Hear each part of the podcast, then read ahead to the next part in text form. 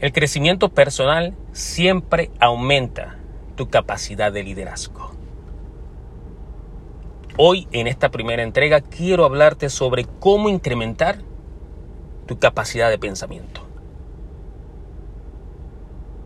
Número uno, piensa en lo que funciona. Recuerda que capacidad no significa necesariamente pensar en más, sino en pensar en lo mejor. ¿Y qué es lo mejor? Define lo mejor de acuerdo a tres variables. A lo que se requiere de ti, cuál es el retorno que vas a conseguir y cuál es la recompensa.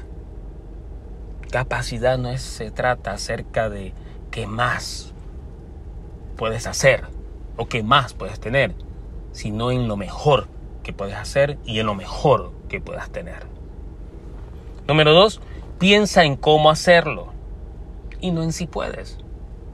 Siempre hay un cómo. Siempre. Incluso la naturaleza, con todo su sistema, siempre busca una forma de reajustarse para seguir en su dirección y cumplir su objetivo. Siempre se reajusta, cambia, reajusta, vuelve a cambiar, se reajusta para mantener su dirección y siempre encuentra la forma de hacerlo.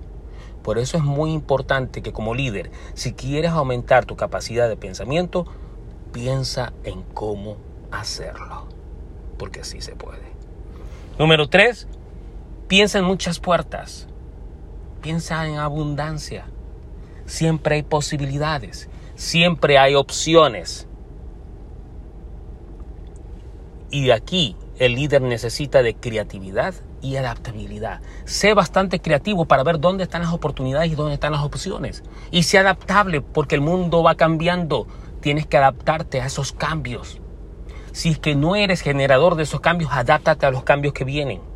Y recuerda esto, movimiento con intención crea posibilidades.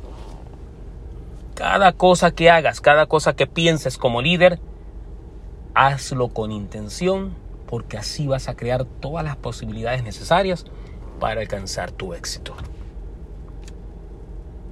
A partir de hoy, sigue estas sugerencias y aumenta tu capacidad de pensamiento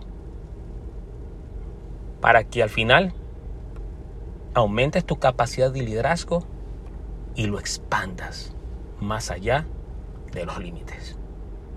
Hasta la próxima.